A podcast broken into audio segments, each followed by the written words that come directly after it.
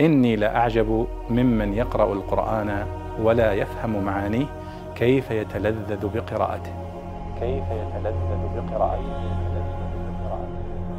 في سورة الفجر ذكر الله سبحانه وتعالى قوم ثمود فقال وثمود الذين جابوا الصخر بالواد. بعضنا عندما يسمع هذه الآية يظن أن جابوا معناها أحضروا وثمود الذين أحضروا الصخر بالواد. لأننا اليوم نستخدم كلمة جاب فلان جاب كذا أو كذا بمعناها أحضر. ليس هذا هو معناها في في الآية لأن مادة جوب في اللغة معناها قطع.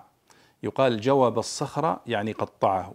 فمعنى قوله هنا وثمود الذين جابوا الصخر بالواد أي قطعوا الصخور واتخذوا بيوتا في هذه الصخور فقطعوها ونحتوها كما قال في سورة أخرى وتنحتون من الجبال بيوتا. فارهين. فجوب معناها قطع. والجواب هو رد السؤال. فكأنه السؤال يسأل فيقطع على ما يناسبه جوابا. جابوا معناها قطعوا الصخور واتخذوا منها بيوتا. وهذه كلمة آه، يعني فعلا هي كلمة غريبة اليوم لا نستخدمها.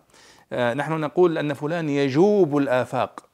يعني يلف الدنيا ويلف الآفاق ويسافر من مكان إلى مكان جاب كأنه يفتح هذه الطرق لأول مرة. آه، جواب آفاق يعني مسافر.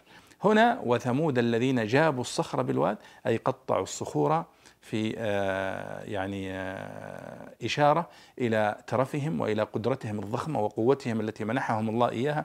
اليوم مع أننا اليوم لدينا إمكانيات ضخمة اليوم بالمعدات ووسائل التقنية إلا أن الله سبحانه وتعالى يذكر عن قوم ثمود أنهم كانوا يفعلون في الجبال من البيوت والأماكن ما لم يفعله حتى المتأخرون. إشارة إلى ما منحهم الله من القوة والقدرة ولكنهم كفروا بما أعطاهم الله سبحانه وتعالى وكفروا بنبيه صالح ولذلك آه، عاقبهم الله سبحانه وتعالى بالعذاب وبالصيحة. إذا نعود إلى قوله وثمود الذين جابوا ما معنى جابوا؟ قطعوا. الصخر بالواد يعني قطعوا الصخور وحولوها إلى بيوت. هذا معنى جابوا الصخر بالواد.